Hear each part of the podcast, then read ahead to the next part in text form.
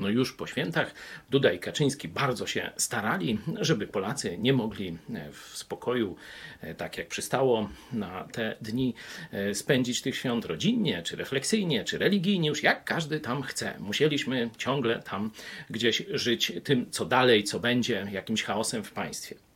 Warto w tym momencie zadać sobie pytanie, dlaczego oni tak postępują. No oczywiście wiemy, że chcą tam uratować synekury, nie pójść do więzienia i tak dalej, ale jaka jest metoda? Co oni chcą nam zrobić? Ja sobie odpowiadam na to pytanie, że oni chcą, żebyśmy stracili marzenia i nadzieję. Polacy nie są długodystansowcami, raczej takie zrywy.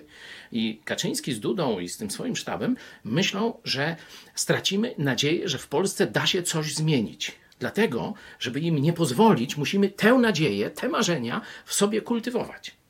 Wytrzymamy. Przeżyliśmy różne potopy. Przeżyjemy i ten, byleśmy nie stracili marzeń o życiu w wolnej Polsce.